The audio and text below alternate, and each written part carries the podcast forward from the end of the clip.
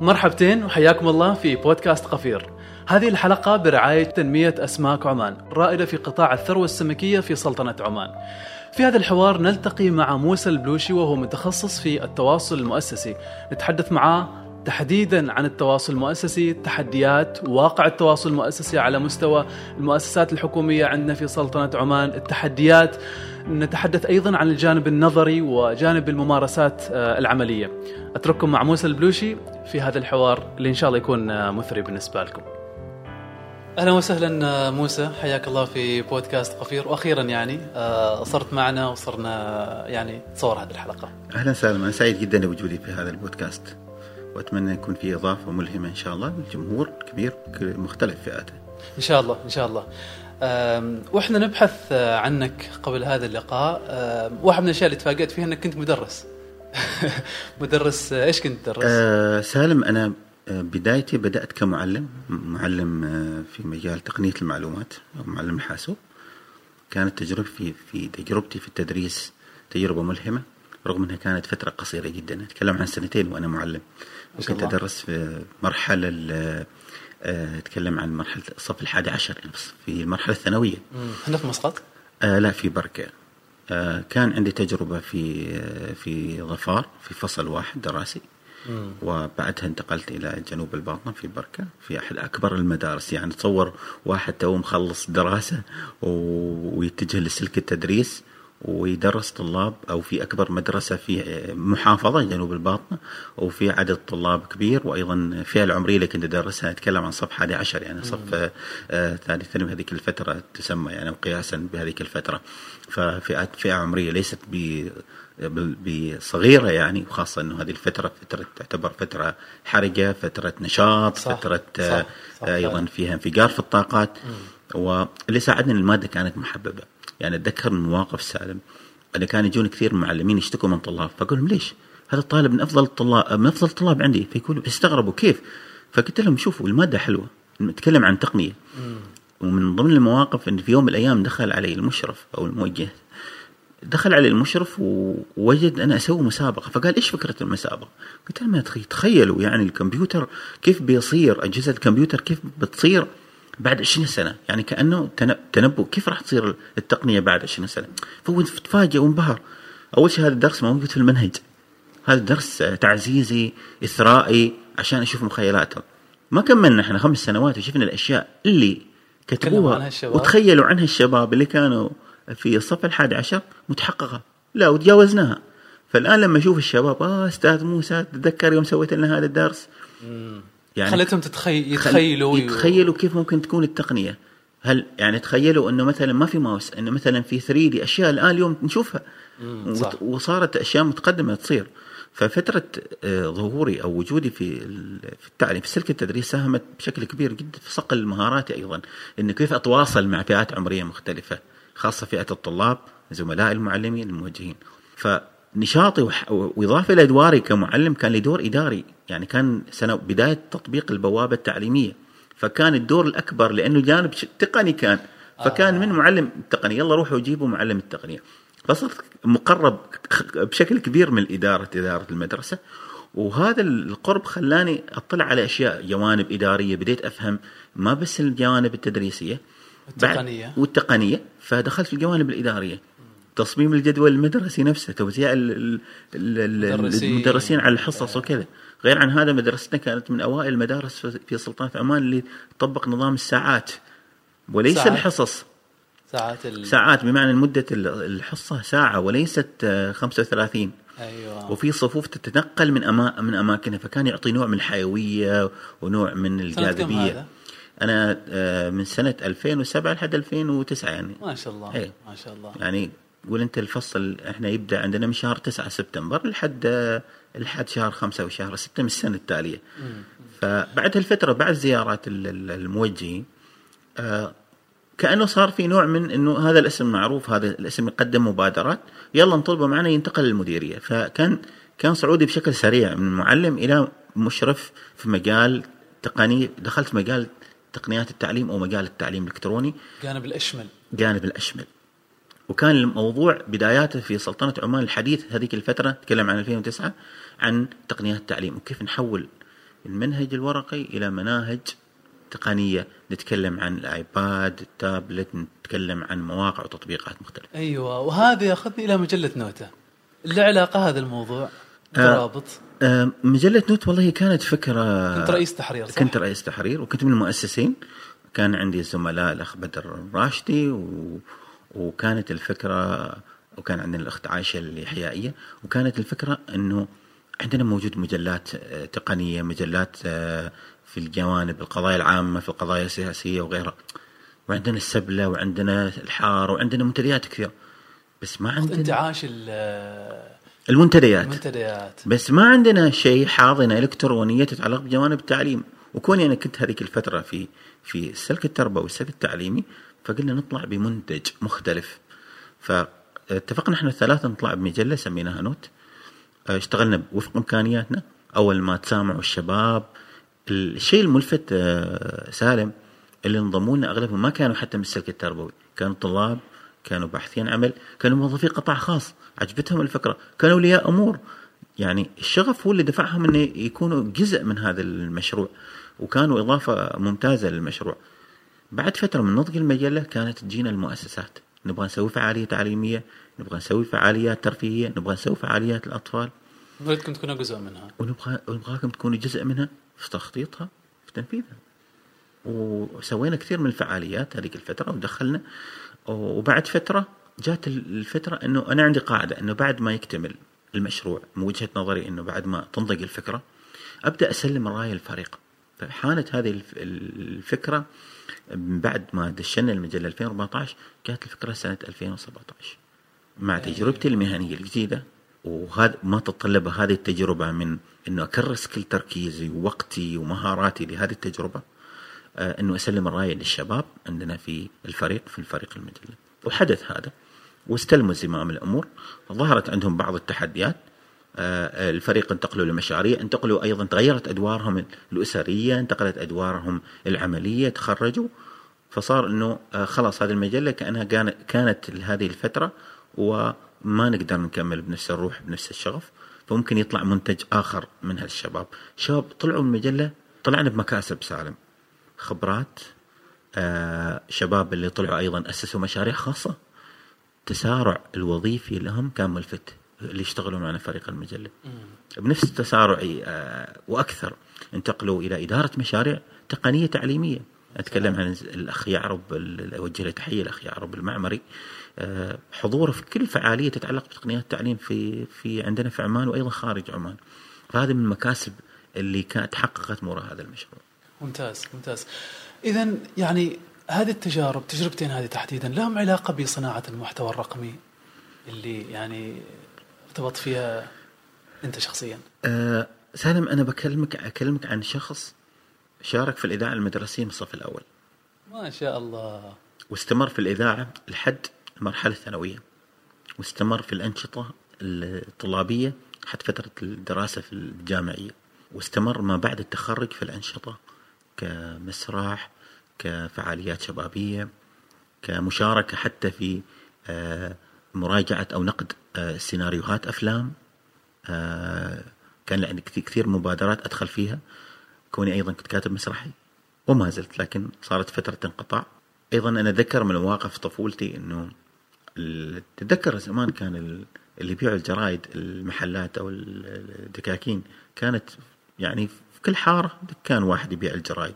فكانت توصل الساعة س- ستة الصباح. فأتذكر كنت أقطع يمكن كيلو متر مشي علشان أشتري هذه الجريدة.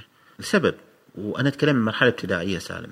يمكن يكون في حدث وطني يمكن يكون في إعلانات يتكلم عن آه، تتعلق بقضايا اجتماعية أتكلم عن مثلا نتائج ثانوية عامة إخواني خواتي أتكلم أيضا سالم عن أحداث عالمية كانت تصير. فكنت أروح أجيب الجريدة. أحس بحميمية الورق. أجيبها البيت. في عمري في هذيك الفترة في المرحلة الابتدائية كنت أتصفح الجريدة كلها. تشتريها من مصروفك يعني آه، لا كانت من عن طريق ال- يعني العائلة ومرات من مصروفي كان عندي شغف آه،. مم. آه، آه، أمر أقرأ الأعمدة كل هذه شكلت مني أنه أحب القراءة أحب حتى أنه أكتب لدرجة أنه أنا أتذكر في موقف صار كنا في مرحلة الإعدادية فكان أحد المعلمين طبعا المعلمين كان من جنسيات عربية قبل دخول الاخوان العمانيين في بشكل كبير في هذا السلك التدريسي. فكان معلم آه، رياضيات من جمهورية مصر العربية أستاذ داود الله يذكره بالخير. فكنا نتناقش في قضايا تتعلق بالأوضاع وغيرها وكيف نربطها بالرياضيات. فذكر زميلي كان عندي في الصف يقول أستاذ هذا موسى بيكون في يوم من الأيام صحفي وإعلامي. هذا يرنت في إذني. وهذا من ضمن الأشياء اللي تتكرر معي ودائما أخذها معاي لما أروح أي مقابلة وظيفية تتعلق بجانب الإعلام أو أي ظهور.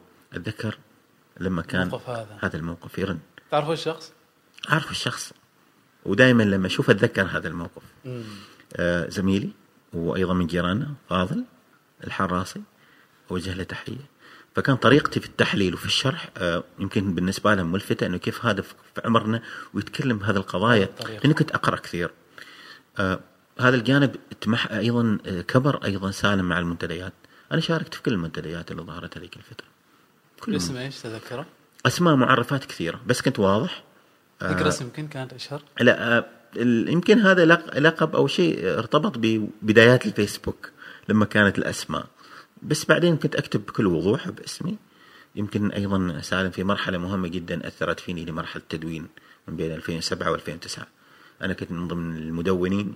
في هذيك الفترة الذهبية اللي عاشتها آه، سلطنة عمان في, في مجلة نوت ولا خارج؟ خارج هذه قبل المجلة. نتكلم عن فترة 2007 لحد 2009 كان عندي مدونة أكتب فيها أخبار آه، نقد آه، كان في حملات. أتذكر حملة المدونين العمانيين لنقد الأعمال الفنية في شهر رمضان في فترة فترات. أتذكر في حملة المدونين العمانيين لإنفلونزا الخنازير. مع الزملاء والأخوة المدونين اللي هم أسسوا أيضا مشاريع عمل خاصة إضافة إلى قادتني أيضا إلى العمل التطوعي. حملة شباب عمان لإغاثة الصومال 2011 بالتعاون مع الهيئة العمانية للأعمال الخيرية إحنا كنا ثلاث شباب. أتذكر كان بدر معكم؟ آه كان معي الأخ بدر الراشدي أوجه له تحية. وبعدين حملة شباب عمان لإغاثة غزة 2014 م.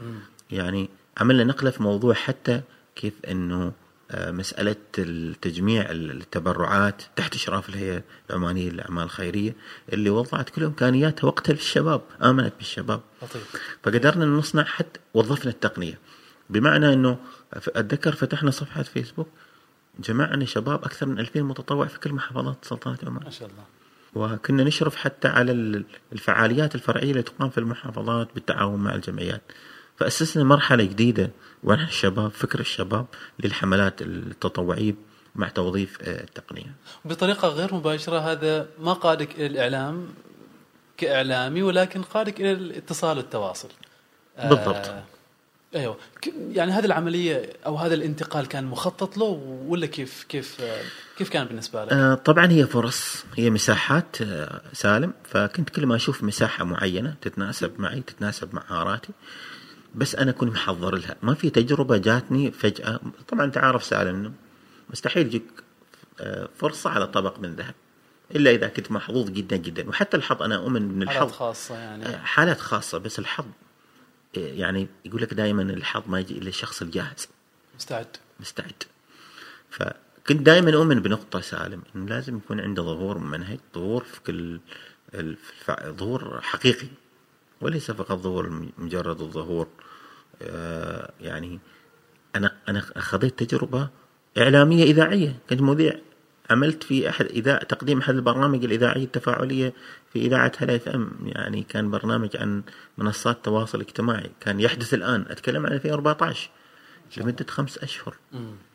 آه كنت كنت نشوف إيش اللي جالس يصير ترند في البلد وفي العالم ونناقشه من ناحية الناس اللي تأثروا فيه قصص وبث عن طريق هلا إف إم كل خميس. أنا كان عندي تجربة مع إذاعة الشبيبة سالم آه، مقال أسبوعي يتكلم عن جوانب التعليم والتقنية فكل هذه الأشياء صنعت مني أنه كنت كثير أنا سالم النوع اللي يحب يبحث كثير. يعني يوميا لازم أقرأ أربع إلى يوميا أربع إلى خمس مقالات يعني من سنوات من أتكلم من 2014 لازم أقرأ مقالات في مجال الاتصال آه، التقنية توظيفه في في الاتصال اتصال حكومي يتكلم صناعة المحتوى. يعني هالفترة الماضية يتكلم عن فترة شهرين ثلاث شهور أنا جالس فقط على أستكشف الذكاء الاصطناعي اللي اليوم حديث العالم. تكلم عن ChatGPT. واشتركت في النسخة المدفوعة أشوف إمكانياتها. وجالس أستخدم لدرجة إنه في أحد الأيام طلبوا مني مسا... إنه مساعدة إنه كيف ممكن نحن نسوي مقابلة مع آه، في أحد المؤسسات الخاصة لمدير إبداعي. طيب محتاجين منك تحط الأسئلة المناسبة. طيب الوقت حرج. دخلت والله ChatGPT وطرحت عليه. ميزة ال ChatGPT واللي الناس يعني جالسة ما تستكشف إمكانياته لازم تخلق نوع من الحوار الناعم بينك وبينه. لدرجة سالم إن اليوم صار في وظيفة اسمها مهندس, مهندس الإجراءات أو مهندس الأوامر عفوا. الناس تبيع. أنا واحد شايف يعرض بعشر دولارات هندسة أوامر أسئلة. يعني كيف تسأل ChatGPT وهذا فن ما كل يدركه. يمكن الآن فتره ذهبيه اللي يحب يبيع هذه الأوامر أو الأسئلة. لدرجة أن أنا هذه المقابلة طلعت بست أسئلة وأعطيت زملائي قلت أنت توزع هذه الأسئلة وأسئلة ثقيلة. كيف أنت تخلق حوار ناعم وودي مع ChatGPT تعرفه بالموضوع بالقضية.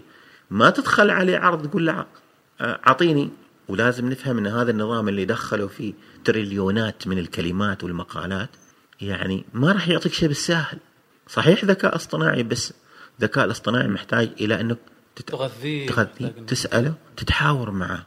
يعني أنا مستغرب تبدأ يعني كأنه حاور سالم الآن لازم يكون في صباح الخير. فهو بيشعر بنوع من الودية صباح الخير. يعني لما حتى حواري الآن معاكم الآن أنا استخدمت ال ChatGPT سألته إيش ممكن الأسئلة اللي يسأل لي إياها سالم؟ في اخر الحوار كتب لي شيء. قلت له سالم عنده خلفية كذا وسالم فذكر لي يعني حللت سالم عن طريق ChatGPT. في الأخير يقول لي موسى موفق في حضورك في مقابلتك. يا سلام. ف وطبعا يعني كثير من الأشخاص يقول هذا سر لا تكشف أسرارك. لا بالعكس أنا هذه ميزة فيني وأي واحد ممكن أنا دائما أدعو الاشخاص إنه يا أخي صادقوا ال ChatGPT صادقوا الذكاء الاصطناعي لا تعتبروه إنه آلة. لا. لا تعتبروه تحدي تحدي أو شيء. أنت اليوم السيارة اللي تقودها تعرفك. تعرفك من لمسة رجلك على المكابح. تخيل لو واحد اجى وساقها وساق هذه السيارة راح تتأثر الضغطه حتى تغيير الإطار حتى ما راح لأنه حد في علاقة مهمة لازم صح. نخلقها حتى مع الجمادات سالم. صح صح. طيب من التواصل مع الجمادات وال ChatGPT آه إلى التواصل مع البشر. اليوم إحنا أمام عالم يحتم علينا أنه يكون في تواصل ما بين مجتمعات ما بين مؤسسات ما بين أفراد.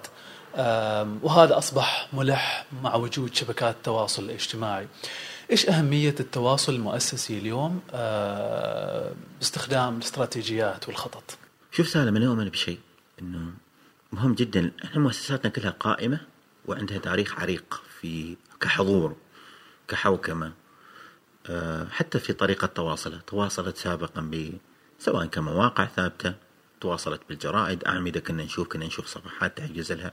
ولما بدأت منصات التواصل بدأت تدخل. بس الموضوع اتصال المؤسسة أعمق من الأدوات. كيف؟ اللي جالس يصير سالم أن اليوم المؤسسات جالسة تقفز إلى النتائج. بعض أغلب المؤسسات يمكن نقول. أنا أتكلم عن مستوى إقليمي عالمي.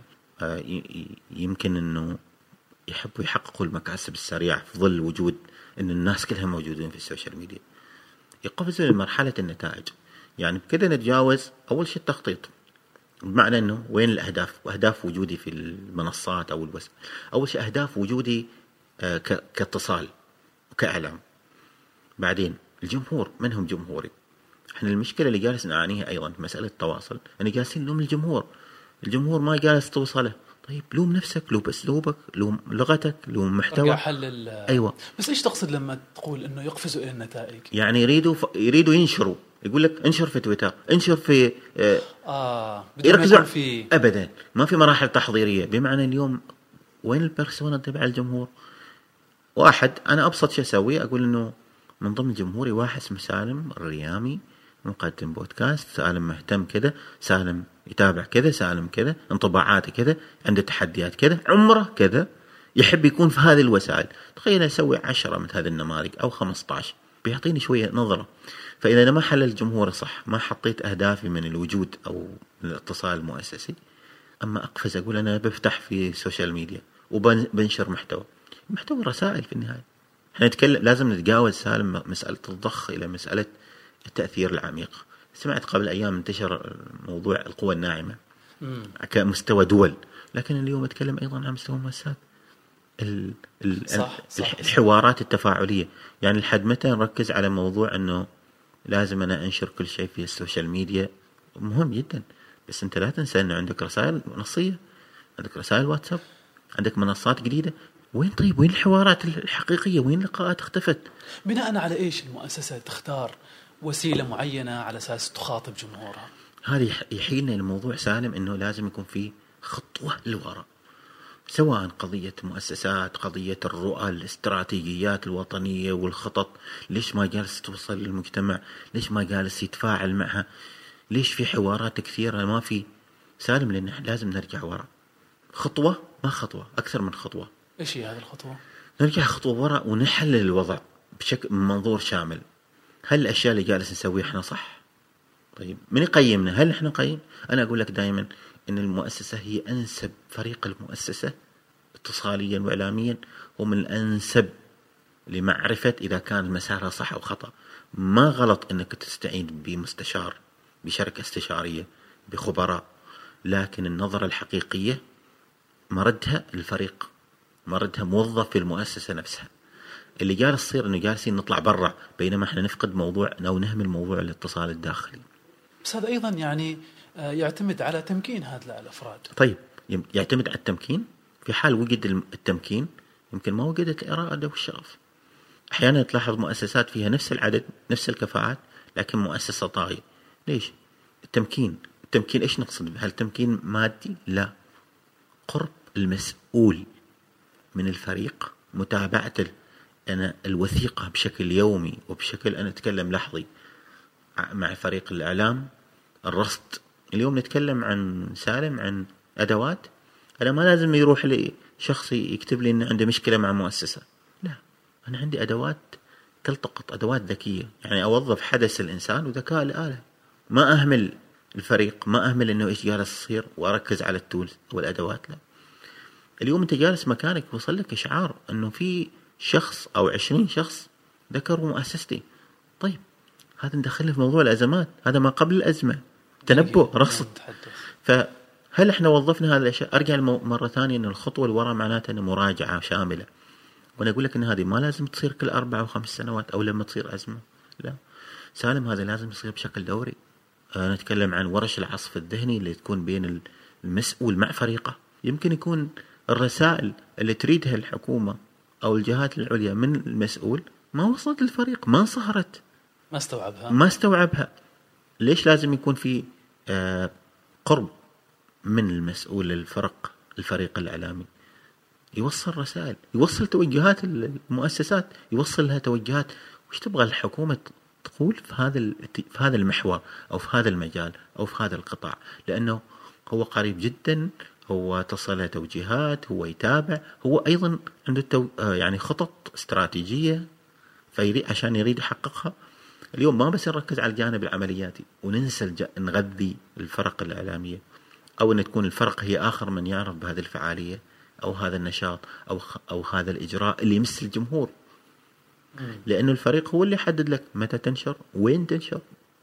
اليوم ما قضية أن أنا أسوي بيان وأرميه في تويتر وأرسل وسائل الإعلام.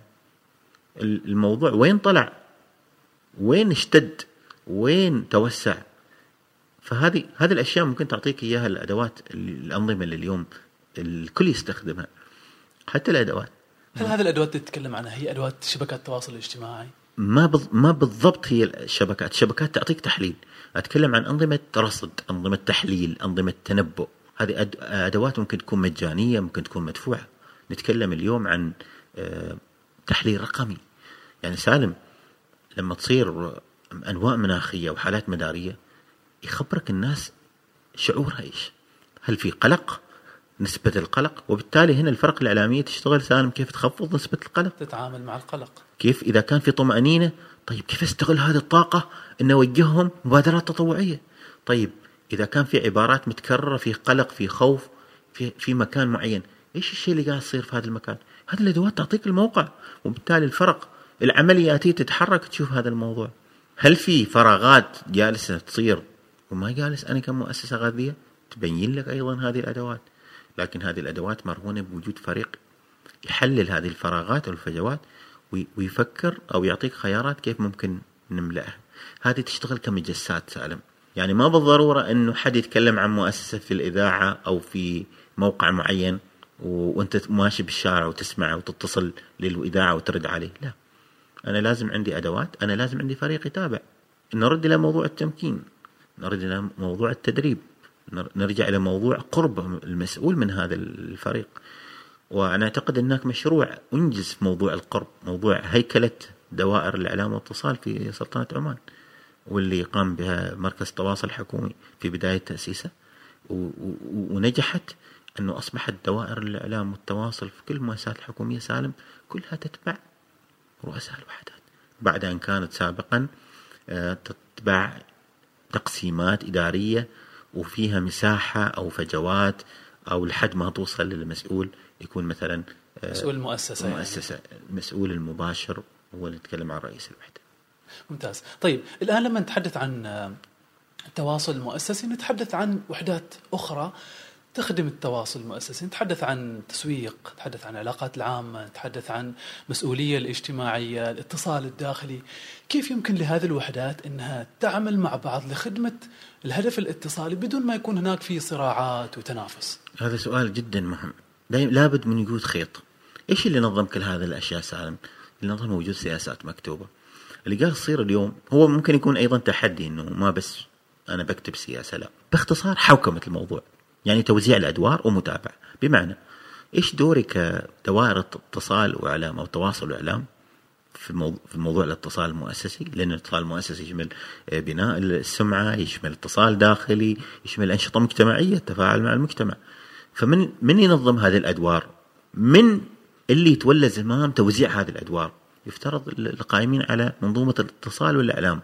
هم اللي لازم يكون لهم عصا السبقه وبعدين تصير حوكمه الموضوع بمعنى نوزع من يتحدث أو من يركز على بناء السمعة التقسيم المعين. من يتولى جرع جرعات أو اعطاء زخم لهذه الأنشطة اللي تسويها المؤسسة؟ التسويق. من اللي يقوي ويعزز علاقتنا مع الدوائر أو على مستوى المؤسسات الحكومية الأخرى وداخليا وحتى خارجيا. العلاقات. علاقات. تخيل لو وجود هذا الحوكمه في كل مؤسسة ما بتصير الصراعات. وما بيصير في دخول في مساحات البعض البعض. وبعدين إيش بيصير سالم؟ بيصير في تضارب بيصير في رسائل مختلفة آه، بيصير مشوشة. مشوشة لل- داخليا وحتى أتكلم حتى على المستوى الخارجي. فلازم يكون في تناغم. يعني يعني نتحدث عن تجارب مؤسسات كثيرة وإحنا نتابعها. مهم جدا ان يكون في في مكان واحد. أنا أتكلم عن مكان ككيان معنوي كيان مادي. أنا أعرف هذا هذا التسويق في أي مسار ماشيين. والإعلام في أي مسار ماشيين والعلاقات. في النهاية لازم حوكمه الموضوع وسياسة مكتوبة ومتابعة و... وفي تقييم. بمعنى أي حدث يتم تنظيمه أو اي أو أي حدث أو أي فعالية أو أي قض- قضية تطرح ويدخلوا هذا الثلاث آه، تقسيمات مهم جدا تقييم الأثر بعدين. هل في خلل ظهر معين؟ وين ممكن نعزز أكثر؟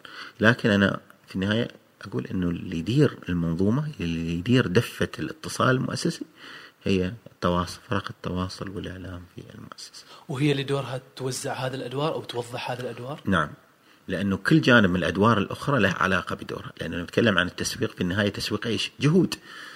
نتكلم عن علاقتها مع المؤسسات الأخرى خارجيا وداخليا العلاقات أيضا كلها ينعكس في النهاية على الاتصال المؤسسي وعلى هوية المؤسسة بشكل ممتاز ممتاز. خلينا ننتقل إلى الممارسات الفعلية.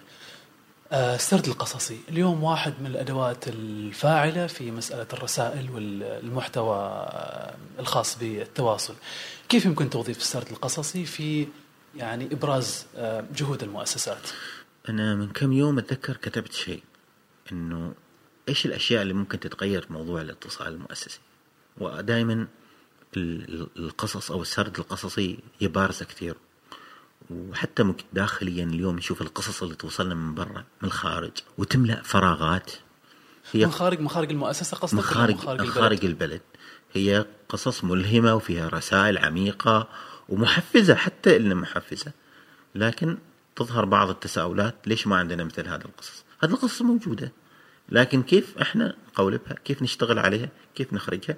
كيف نسردها؟ موضوع الأنسنة. أرجع لموضوع الأنسنة. إيش الأنسنة؟ الأنسنة أنه كيف نحول هذه المنتجات إلى أشياء ناطقة أشياء فيها إحساس فيها مشاعر. يعني نتكلم عن الأرقام. ممكن أن أطلع جهد أي مؤسسة على أنه رقم وخلاص. أصنع من القصة رقم. يعني قصدك من كم رقم قصة؟ أصنع من رقم قصة. بمعنى متحف معين أو مؤسسة معينة أو حتى خدمات مراجعين زاروها في في الشهر 2000 وأقول إنه أطلع في في في وسائل الإعلام التقليدية والتقنية والجديد وكلها. أقول إنه زيارات كثيفة في النهاية أنا عندي عندي مثلا أتكلم عن 3000 لو كتبت كبراند أو كعنوان 3000 في 30 يوم. كم أنجزت من معاملة؟ لقاءات مع المراجعين نفسهم سالم. انطباعاتهم خلق حوار معهم. ما أركز على المراجع على أنه رقم. أبرز القضايا اللي طرحها حواراتني مع حواراتنا مع هذيل ال- المراجعين نفسهم. المستويات العمرية. المسافة اللي قطعها. هل هذا الموضوع كان يستدعي ولا ما يستدعي؟ شعوره بعد ما أنجز المعاملة. هل في تقييم؟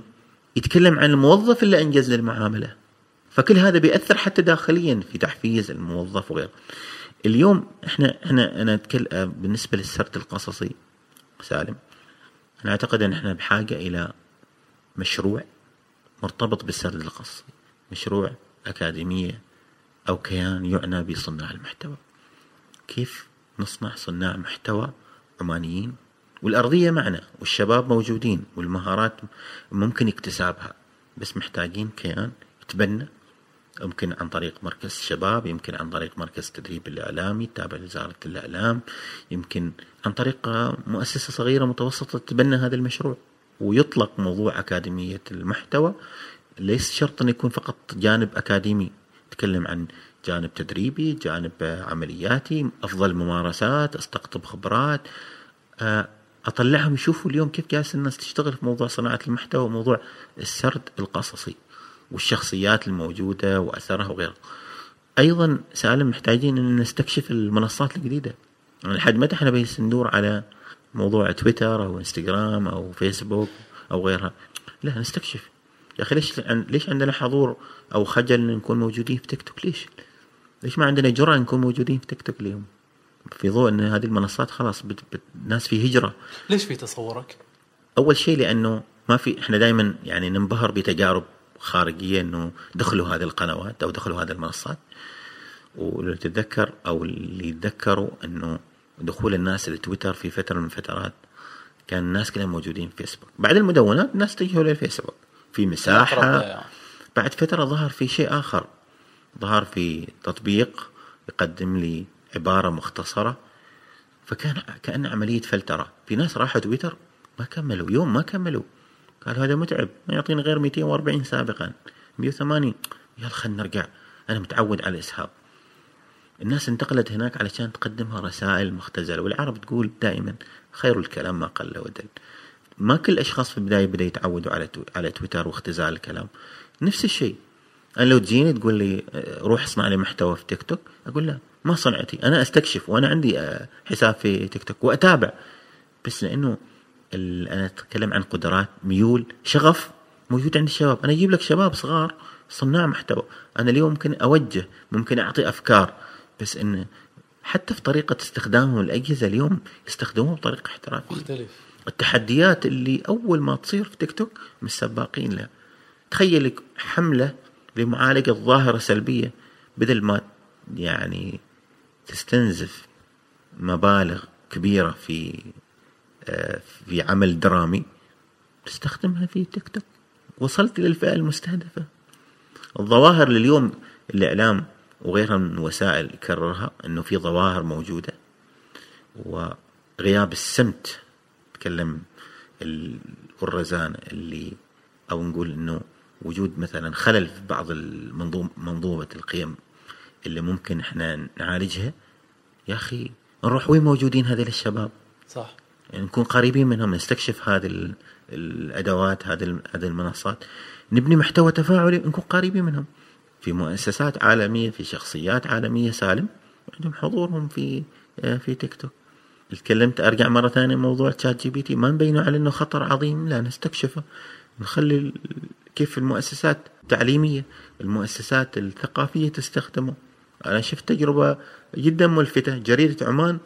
اجروا حوار مع ChatGPT عن السلطنة عن عن سلطنة عمان عن آه، الفترة القادمة عن الاقتصاد عن التحولات اليوم اللي نشوفها عالميا في موضوع الأنظمة السياسية والقطب الأوحد وغيرها وعالم مت- متعدد الأقطاب. رغم أن المعرفة اللي موجودة في ال ChatGPT انتهت في 20 آه، 2021 سبتمبر 2021 خلاص. فلازم إحنا نواكب مثل هذه التقنية. كيف ندخلها نوظفها نستكشفها ونكون قريبين من هذه الأجيال. فأرجع مرة ثانية. لازم يكون عندنا آه، يعني استكشاف وثيق. إيش الأشياء اللي جالسة اليوم آه، تصير؟ الفيديوهات اللي جالسة تنتشر لو تلاحظ بتحصل فيها إشاعات. تيك توك. آخر شيء صح. فهذه لفتة إنه تأثير وصل. اذا لازم أروح هناك فعلا صح. وأستكشف الموضوع. وليش ه... وأدرس ليش هذا الفيديو انتشر؟ لازم يكون عندي منهم المؤثرين اليوم في البلد في هذه المنصة. لازم يكون المؤسسات. أنا أقول المؤسسات ما كلها تكون موجودة. والوجود لمجرد الوجود ما ينفع ما أفتح account وأنشر نفس الفيديو اللي انشر في تويتر. لا هذه منصة أسلوبها مختلف. قائم على التحديات. حتى الموسيقى المستخدمة تك تك تك يعني مختلفة تماما. آه العمر الموجود هنا اللغة الكلمات اللي ممكن أستخدمها. فالموضوع ما سهل سالم. موضوع محتاجه إلى تحليل علمي منهجي واستخدام أدوات تقنية. من الناس اللي جالس تتكلم حتى سالم أشوف كم ساعة يقضون هناك. إيش أكثر الأوقات اللي يقضون فيها؟ فهذه كلها تخليني أنا أرجع. أنا هذه اللي أسميها الخطوة للخلف واللي بتخليني أتقدم قفزات للأمام. هو نفس الشيء يعني بحديثك عن مسألة المراجعة المستمرة التحليل المستمر بالنسبة للجمهور بالنسبة للأدوات الجديدة اللي ممكن نستخدمها طيب الصمت.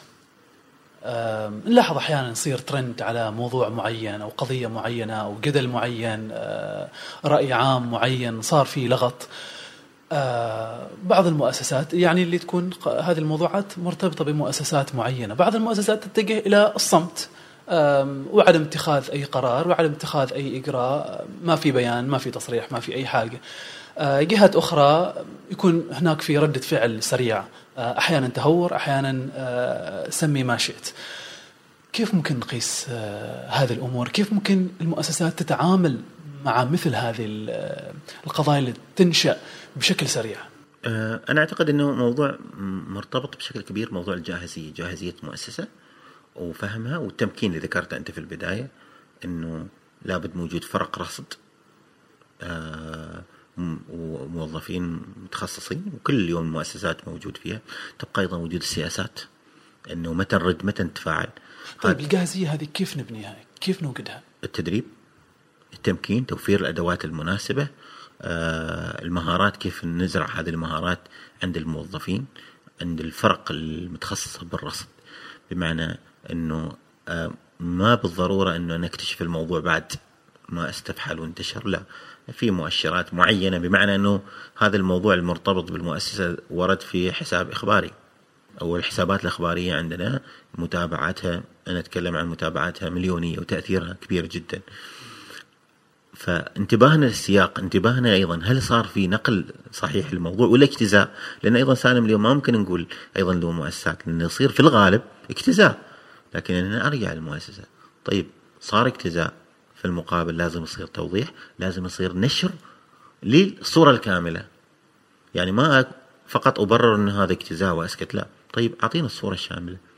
بأكثر من طريقة بأكثر من أداة. الحساب الإخباري موجود تواصل معه أعطيه. وسيلة الاعلاميه الاذاعه 24 ساعة الاذاعه مفتوحة.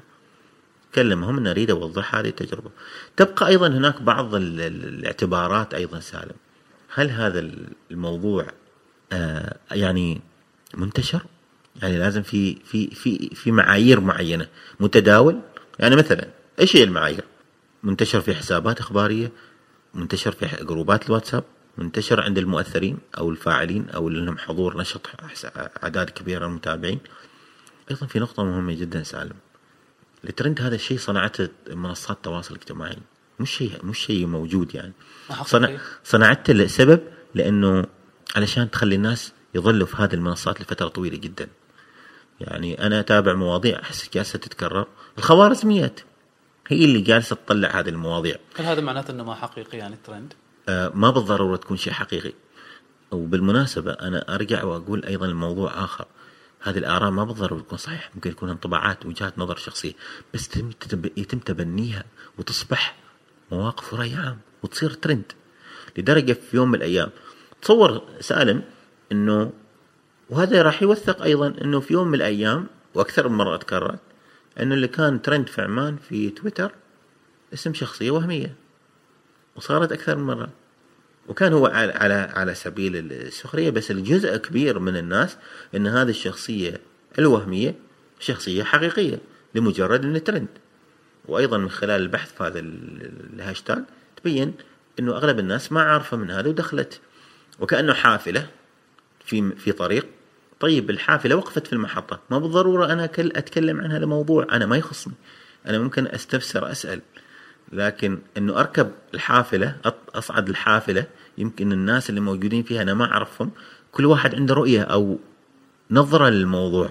يعني شيء ملفت ان في يوم من الأيام اللي يكون ترند عندنا شخصية وهمية والناس تتفاعل مع الموضوع تتكلم عن يعني ال- الهاشتاج علشان يثبت أو علشان يوصل ترند تتكلم عن بين 100 إلى 500 شخص يغردوا باستمرار وتتوسع الأشخاص ويكونوا من مواقع جغرافية متع- متعددة ويكونوا في أوقات مختلفة.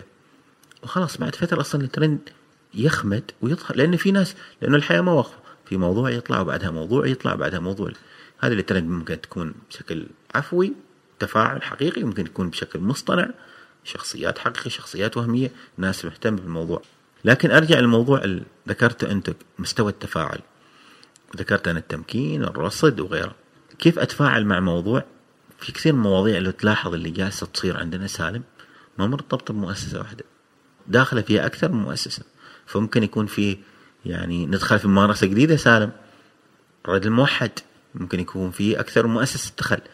على مستوى التنسيق على مستوى التواصل بينهم يطلع رد. هذا بيبين نقطة مهمة جدا سالم إن عندنا تكاملية وعندنا تناغم وعندنا تنسيق مستمر إنه يطلع. وهذه الممارسة صارت عندنا في أكثر موضوع أتذكر موضوع الدفاتر المدرسية كانت خريطة السلطنة مشوهة. أتكلم عن موضوع موضوع آخر يتعلق ب أو هذا التنسيق رأيناه في شعلة ظهرت في آه، أحد المواقع أحد المواقع عندنا. وكانت الحديث عن إنه هذه انبعاثات كريهه انبعاثات تؤثر على الصحة على البيئة.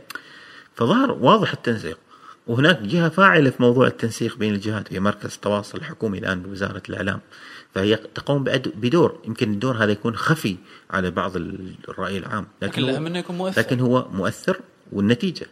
النتيجة لهذا الدور واضح أن لما تشوف في آه، تنسيق وتناغم و... وأيضا سرعة في مو- موضوع الرد. لكن ممتاز. تبقى أيضا مسألة ال- بعض الاعتبارات الأخرى في عدم الرد. تتعلق مثلا بوجهة نظر آه، ممكن يكون هذا الرد راح يولد ردود أخرى فكلها تخضع لنظرة استراتيجية أعمق وأشمل. طيب أريد نرجع لمسألة الترند وكونه يمكن ما حقيقي. لكن أتصور في ال في ال في في وجهة النظر ال- الأخرى المقابلة أنه الأكيد إنه انتشر لأنه لامس آه، لامس عواطف ناس لامس احتياجات ناس لامس شيء حقيقي في في في أنفس الناس دعاهم إنهم آه، يتفاعلوا جزء مهم جدا من الموضوع سالم أيضا إنه في في مرات كثيرة يتم في إجراء تجاه هذا الموضوع اللي انتشر. إجراء أنا أتكلم عن إجراء داخلي عملياتي بمعنى إنه حلت الإشكالية أو المشكلة. يبقى العتب إن هذا ما واكبه توضيح. فهنا هنا هنا النقص اللي يصير. هنا يبقى التواصل هنا يبقى المؤسسي. التواصل المؤسسي يبقى الظهور آه، يبقى التوضيح يبقى إنه متى أطلع متى أظهر متى يظهر المسؤول أيضا موضوع الاستعداد تكلم سالم إنه أنا ما أريد أغامر بشخص يطلع ويقدم لي رسالة ملتبسة أو فيها ربكة تهدم الشيء اللي أنا بنيته اجرائيا يعني جهود تبذل حقيقة لكن ما بعض الأحيان ممكن ما يواكبها نشاط إعلامي وبالتالي يصير فيه هضم. ردة فعل عكسية. ردة فعل عكسية.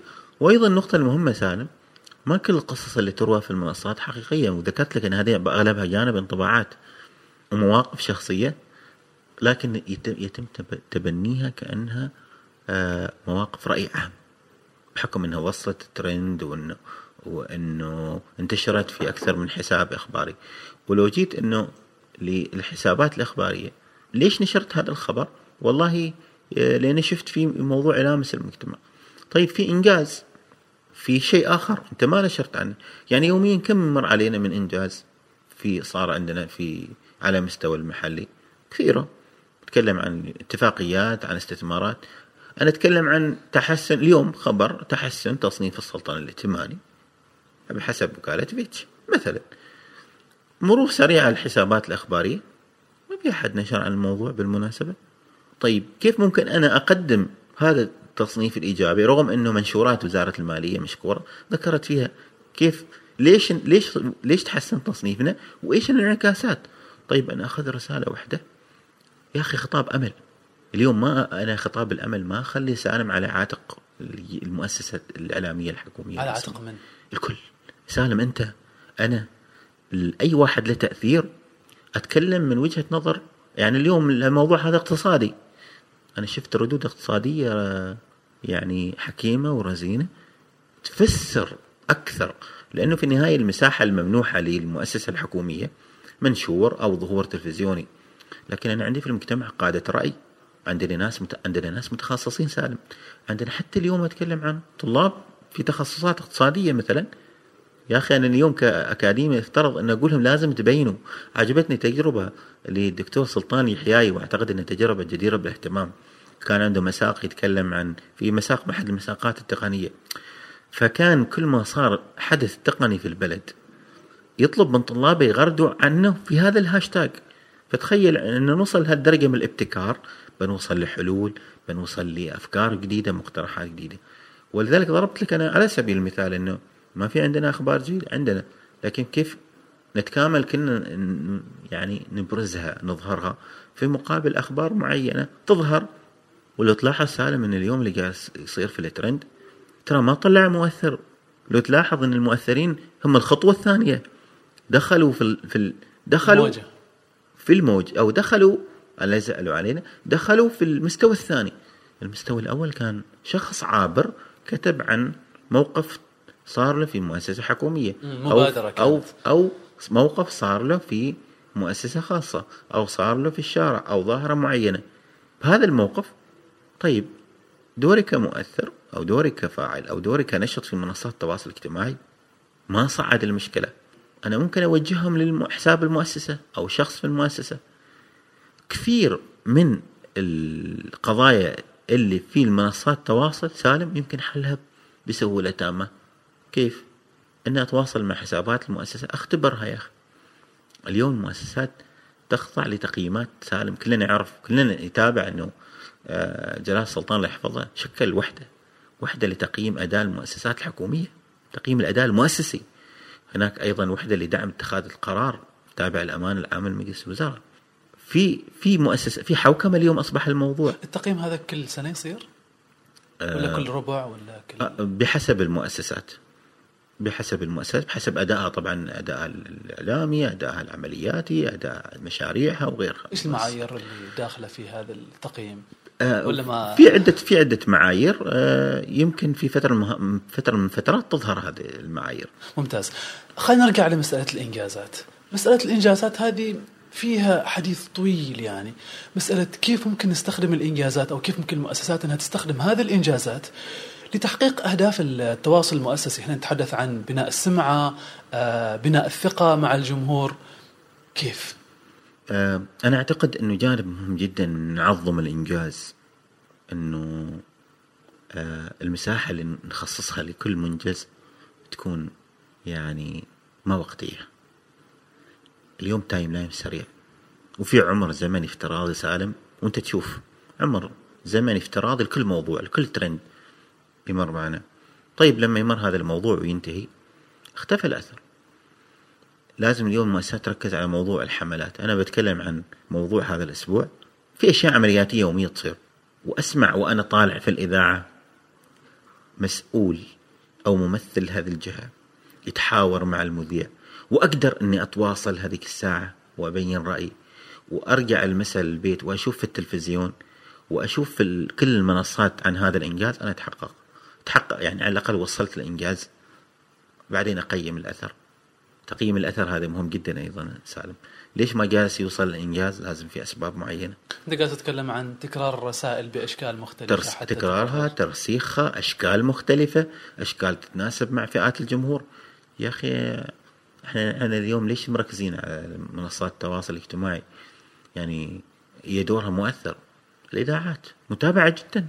الإذاعات اليوم تطورت. اليوم الإذاعات بث بث بث مباشر بث تلف يعني كأنه ما أصبحت إذاعات أصبحت يعني وحدة مت... وكالات متنقلة. حتى فيها بث يعني بث مباشر بث تلفزيوني نعتبره أثير يعني. نتكلم عن يتلقوا اتصالات نتكلم عن حضورهم ملفت أصبح في المنصات. نتكلم عن آه، وجودهم في كل الفعاليات. يبقى مسألة كيف نوظف كل هذه الأدوات سالم؟ التخطيط بمعنى أن لازم يكون عندنا خطط واضحة لكل مشروع وهذا الخطط ما تكون منتهية. يعني بمعنى أنه أنه هذا الإنجاز ما فقط نتوقف فيه بعد ما بعد بعد نشر لا. موضوع المتابعة موضوع هذا الإنجاز. طيب من اللي اشتغل هذا الإنجاز؟ نرجع موضوع السرد القصصي. الناس اللي كانوا خلفه إحنا دائما نتكلم عن مؤسسات بس ما نتكلم عن موظفين اليوم. نريد نتكلم عن الموظفين أنسنة. من الأنسنة آه التواصل ده وجزء منه إبراز الكوادر البشرية الكوادر. متى بنشوف إنه في تنافس بين الموظفين؟ واليوم نتكلم عن الإيجاد الفردية والإيجاد المؤسسية وغيرها من المشا... الم- المنظومات والأنظمة. لما أنا بدي أتكلم عن النماذج المضيئة والنماذج المجيدة في كل مؤسسة كيف جالسين يخدموا المواطن؟ كيف جالسين أيضا يردوا؟ موظف في خدمة المراجعين موظف في الإعلام موظف في دائرة مع- معنية بنشاط معين وهذا لما تتوالد هذه القصص وتنتشر سالم بيكون في تجاوب من المواطن إنه أنا فعلا أنا هذا. إحنا ليش ليش ما نشارك تجربتنا؟ نشارك، ليش بس نشارك تجاربنا السلبية؟ ليش سالم أنت لما تروح تروح آه، أنا أذكر أحد المواقف إنه صديق ما شفته فترة طويلة والله شفته بعد سنتين ثلاث في مركز تجاري. قال لي شكرا موسى. آه، بسببك حددت خيار السفر. قلت له متى؟ قال لي أنا شفت حاط ال review المراجع تبعك في Booking وبناء عليه اخترت وكنت بتهور بأخذ خيار آخر. سالم موضوع المشاركة موضوع مهم جدا. إحنا اليوم كم كم محطة في حياتنا نروح لها ونزورها؟ بس نخجل أو إنه ما نشعر إنه مهم. نكتب. أنا اليوم التقيت شاب عماني كذا كذا عنده مشروع. اكتب يا أخي. هذا القيمة موجودة في المجتمعات بعض المجتمعات سال ما يقول المجتمعات الغربية علشان ما يتحسسوا. بس نروح شوف المواقع ال- السفر مواقع حتى مواقع التبرعات وغيرها. يكتبوا. حتى في المواقع أتكلم مواقع الجغرافية سالم. أنا مرات أشوف مكان أرجع أشوف التعليقات. وبناء عليها أحدد. صحيح يا رجل نروح مطعم نشوف إيش اللي ناس كاتبة ونطلب بناء عليه. بس بالمقابل إحنا لو خلصنا هذا هل بنحط؟ ما نكتب. فدائما أرجع بعد فترة أنا صرت أرجع الأشياء اللي أنا كاتبينها وأشوف إن ناس تعمل إعجاب لايك. يا أخي أنا أثر. تخيل شعور الموظف لما يجيك مواطن ويتكلم طبعا ما مطلوب مني إني أتكلم هذا واجبه لكن مستوى إنه أتكلم إنه أنا تلقيت خدمة من وبالتالي هذا القصص اللي فيها أمل.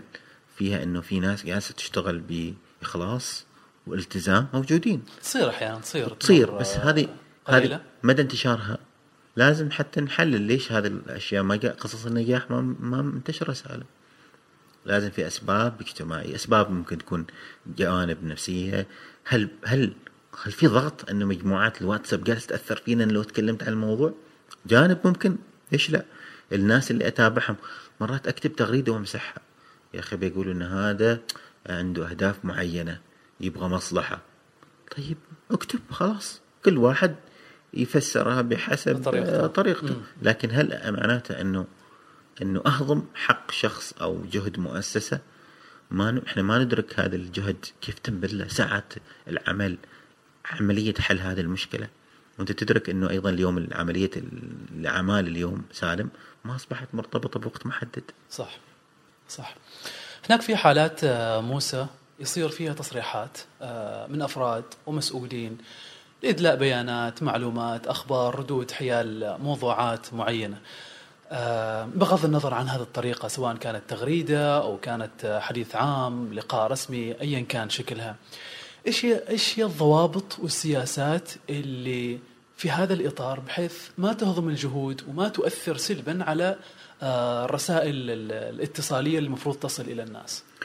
آه، أنا أعتقد إنه ظهور المسؤول آه، أصبح مهم جدا ضروري في نتكلم عن المشاريع القضايا المحافل بس لازم يكون ظهور مدروس كيف ممكن يكون هذا الظهور المدروس؟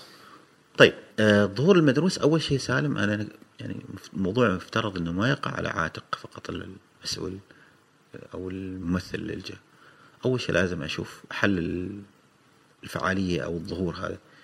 هل مرتبط باختصاصات أو أهداف المؤسسة؟ هذا النقطه الاولى إيش الأثر اللي ممكن يرجع المؤسسة ايجابا من الظهور؟ بناء عليه أيضا أحدد الرسائل اللي أنا لازم أكررها وأرسخها خلال. يعني أنا أشوف إنه مثل هذا الظهور سالم. فرصة إن أنا أبث رسائل في الرأي العام أو عند المجتمع. عن مشاريع عن مبادرات عن خطط عن آه، قضايا معينة. لكن بالمقابل لازم يكون عندي رسائل. هذا رس... آه، ناس تسأل كثير إيش الرسائل؟ اللي لازم أكتبها؟ هذه الرسائل ممكن تكون مكتوبة بس لازم تكون مفهومة وواضحة بمعنى إنه هذه المؤسسة جالسة آه يعني الهدف من هذا المشروع هو واحد اثنين ثلاثة أربعة. هذا المشروع بيستمر لأن في متطلبات هذا المشروع راح ياخذ وقت. هذا المشروع مرتبط مع جهات أخرى. هذا المشروع أهدافه بعيدة الأثر. ما راح تظهر. ليش؟ لأنه باكر بيسألني. قلت طلعت تكلمت عن المشروع. أيوة بس أرجع أسمع المقابل. ذكرت أن المشروع أثره راح يكون عميق وممتد. ما فقط أنه الأثر سريع. فهذه ما يقرأها المسؤول أو الممثل الجهة. بعض الجهات على بالها أنه يقرأها. لا هذه يحقنها في تصريح. يغرسها في كلامه. طيب بعد ما يتكلم بعد ما يتكلم. لازم أنا كالطرف الآخر أجلس معه. أيوه. من هو الطرف الآخر؟ الطرف الآخر المذيع، المحاور، الجهه، الوسيلة. لأنه في النهاية أنت ما ممكن تطلع فجأة ويفاجئك بسؤال. فهل أنت لازم تكون جاهز كل الأسئلة؟ لكن نفس الشيء أرجع الموضوع الموضوع هل مرتبط بالمؤسسة باختصاصاتها بالمشروع؟ إذا كان ما مرتبط فبيكون في نوع من الحرج سالم في هذيك اللحظة. نقول إنه عذرا وكذا وما أقدر أجاوب. لازم يكون في تخطيط مسبق في تنسيق مسبق بين الشخص أو بين الجهة وبين الوسيلة الإعلامية. يتم تحديد الأسئلة. كثير المؤسسات ما تلتزم. يب... صح وأحيانا طبيعة اللقاء تحتم إنه في أسئلة بالضبط. تتابعية وفي أسئلة مفاجئة. لذلك دائما دائما السؤال اللي لازم يسألوه الفرق فرق الإعلام لما يتواصل معهم أي جهة إعلامية أو أي هل بيكون في حضور الوسائل الإعلام؟ واحد. ما هي الوسائل الإعلام بتكون موجودة؟ سالم إن بعض الأحيان يكون في وسائل الاعلام يكون خارجية. وأنت عارف إنه أي كلمه اليوم يوصل صداها الخارج يمكن يكون له أثر. اقتصادي اقتصادي استثماري سياسي. غير عن الآثار الداخلية الاجتماعية على مستوى الجوانب الأخرى. فلازم يكون فيها الظهور محسوب. اليوم وإن كنت كمسؤول أو ممثل لجهة معينة رايح مناسبة قد لا يكون فيها تصوير لكن فيها شيء آخر. فيها جهاز إعلامي متنقل المواطن وكاله متكاملة. متكاملة وعنده كل الإمكانيات التقنية ويمكن حتى المعرفية. وهذا ممكن صار ويصير إنه يأخذ الشخص راحته في الحديث وبشكل ودي ومع جلسة مثلا رمضانية وسهرة وتتفاجأ في اليوم الثاني آه، تصريح مقتضب. وهذا التصريح أنت ذكرته في وضع مريح وكنت مستانس وكنت الأجواء تساعد ويمكن الناس اللي اللي كانوا في الحضور يبتسموا ويضحكوا. تقول هذا أنا كيف جرأت أو كيف يعني وصلت لهذا الموضوع؟ طيب الوضع العام الشعور هذيك اللحظة سالم إنه سهل لك الموضوع. أنا ممكن أتكلم ما في حد بعض الأحيان تقول والله هذا الكلام ليس للنقل. طيب هذه إشارة انه انقلوه لذلك سالم الموضوع كله مرتبط بموضوع حوكمه فإذا بديت بنيت نظام داخل المؤسسه إنه كمسؤول أشرح له إنه هذه التبعات بل إن اليوم أشوف إن الموجه لظهور المسؤول من عدم لازم يرجع اليوم للفرق الإعلامية. متى يظهر؟ وين يظهر؟ وإيش الرس... إيش بيقول من رسائل خلال هذا الموضوع؟ وكيف حتى طريقة كلام؟ إضافة إلى نتكلم عن اليوم المسؤول لازم يخضع لي والممثل لدورات في مجال الظهور الإعلام. وهذا قائم. أنا أشوف مؤسسات عندهم مبادرات. وأيضا سالم ما تنسى اليوم عندنا مركز التدريب الاعلامي في وزارة الإعلام بدأ بدأ يفعل وفي دورات تدريبية وفي وفي وفي أيضا حراك نشط في هذا الموضوع. أنت ذكرت إنه لابد إنه يكون في هناك في تواصل مستمر ما بين المسؤول ما بين آه التواصل الإعلام اتصور هذا الشيء ممكن يغذي الرسائل الإعلامية اللي ممكن تظهر بشكل عفوي أو بشكل مفاجئ أو بشكل آه، خلينا نقول غير مخطط له. وأنا أعتقد سالم إنه في نقطة مهمة جدا إنه موضوع ما بعد النشر أو ما بعد الظهور لابد من يكون في تقييم بمعنى هل وصل؟ إيش الردود؟ إيش الأصداء؟ لأنه لازم يكون في تحسين مستمر في في الظهور القادم للمسؤول أو ممثل المؤسسة. وهذا كله يعتمد على أرجع مرة ثانية والفرق الإعلامية الممكنة والمطعمه بخبرات وأدوات تقنية وأدوات معرفية. اليوم أنت شايف إنه في علوم جديدة تظهر في تخصصات في مهارات جديدة تظهر.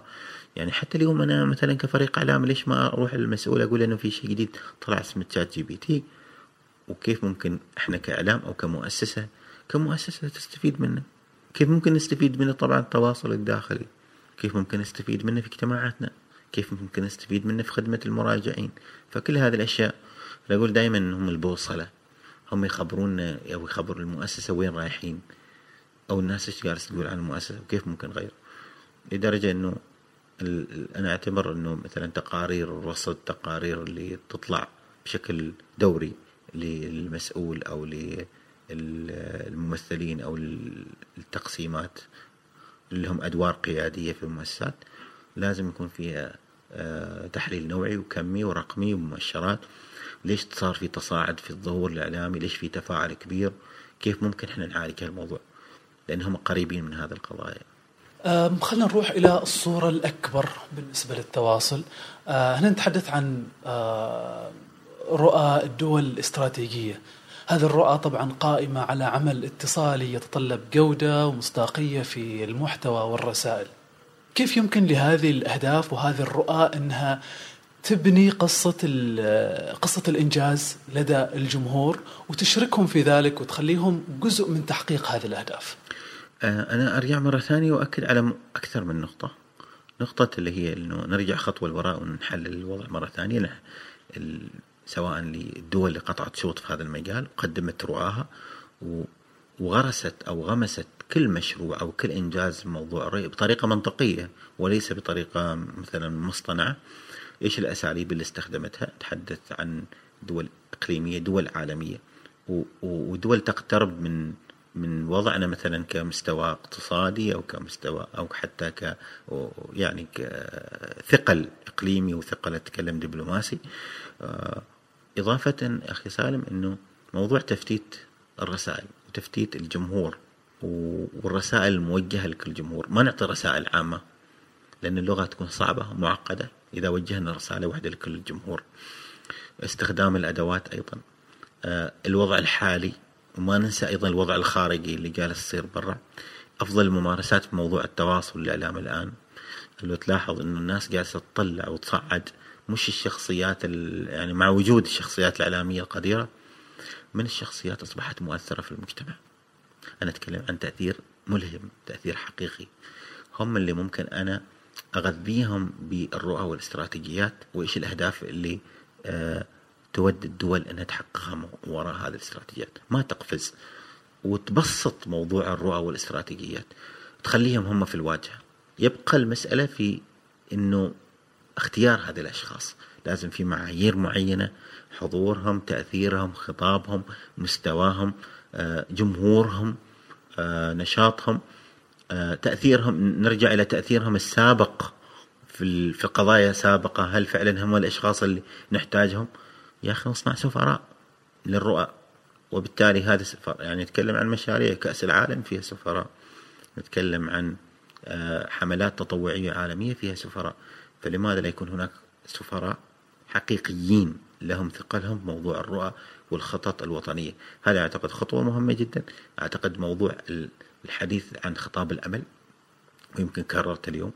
ودائما أقول إن خطاب الأمل ما مرتبط فقط بأدوات ما مرتبط فقط ب آه، منظومة القيم مرتبط خطاب الأمل آه، سالم بان يكون عندنا تطلعات وأيضا خط... اليوم أيضا نتكلم عن موضوع القوى الناعمة وأنا أؤمن إن لازم القوه الناعمة يترافق مع قوه خشنة أو قوة صلبة.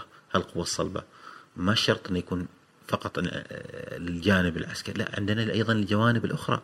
الجانب الاقتصادي الجانب المعرفي الجانب التعليمي وكل هالجوانب اللي بتشكل جناح لل- للقوى الناعمة. نتكلم عن التأثير الخفي اللي ما ما نراه نتيجة تحركاتنا وجهودنا دبلوماسيا وسياسيا واجتماعيا وتطوعيا على مستوى الأعمال الخيرية وعلى مستوى التفاهمات وغيرها. فلازم يكون عندنا الجناحين جانب الاقتصاد والمنظومات الأخرى تعمل حتى يعني نرفرف بالرؤى داخليا وخارجيا نصنع نموذج خاص فينا يعني أنا أتكلم أتحدث سالم إنه كفانا استيراد نماذج يعني زرنا الخارج زرنا العالم لكن لازم نزور داخلنا ذواتنا ونعيد اكتشافها وأنا متأكد إن بنقدر نوصل برؤانا وخططنا للمجتمع بكل أطياف.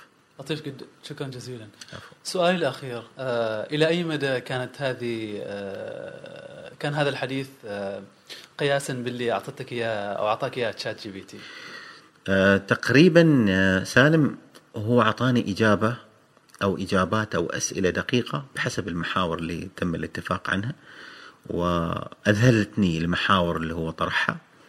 وطبعا آه، يمكن بعض الاختلافات بالنسبة للمحاور السابقة وبعض التغييرات بس آه، ممكن أشارك أيضا المقترحات اللي. وأعطاني إياها بعد حوار حميم ودي مع ChatGPT ودائما أكد على هذه النقطة وحتى ممكن في المرة القادمة سالم أقترح لكم إنكم أنتم تصوروا إيش الأسئلة اللي سألها إياها ضيفكم. تعملوا عملية عكسيه لطيف جدا. إذا بتشاركني إياها أكيد إنه بنشاركها الجمهور. شكرا جزيلا لك. شكرا على وقتك. إذا كان ثمة كلمة أخيرة لك المساحة. أنا أنا أعتقد أنه الحديث عن الإعلام وعن الاتصال المؤسسي حديث طويل و... ويعني مهم جدا على أنا أتكلم آه، ورسالتي إلى ممارسي هذا المجال. أنه ما يتوقفوا أبدا عن المعرفة ما يتوقفوا أبدا عن الاطلاع لأنه اليوم هو أصبح يعني مرتبط بجناح سريع نتكلم عن التقنية إضافة إلى القيم والمعارف لازم يكون في مواكبة للتسارع التقني. وأيضا ما نعول بشكل كبير على أدوات سال وهذا رسالتي للم- للممارسين والمقبلين على هذه التخصصات الإعلامية بمجال الاتصال والتواصل يعني يركزوا على موضوع العمق والثراء المعرفي. أكثر من تركيزهم على الأدوات، الأدوات موجودة وراح تختفي لكن الثراء المعرفي هو اللي راح يرافقنا في مراحلنا القادمة ومع المنصات القادمه. شكرا على وقتك. العافية حسن. وشكرا لكم متابعينا على متابعة هذه الحلقة. أرجو أنها كانت مثيرة بالنسبة لكم ومثرية. هذه الحلقة كانت برعاية تنمية أسماك عمان. بإمكانكم الاطلاع أكثر على مشاريعهم ومنتجاتهم في موقعهم الإلكتروني اللي موجود في وصف الحلقة. إلى أن نلتقيكم في الحلقة القادمة. لا تنسوا الاشتراك في قناة البودكاست لتصلكم حلقاتنا الجديدة. سلام عليكم.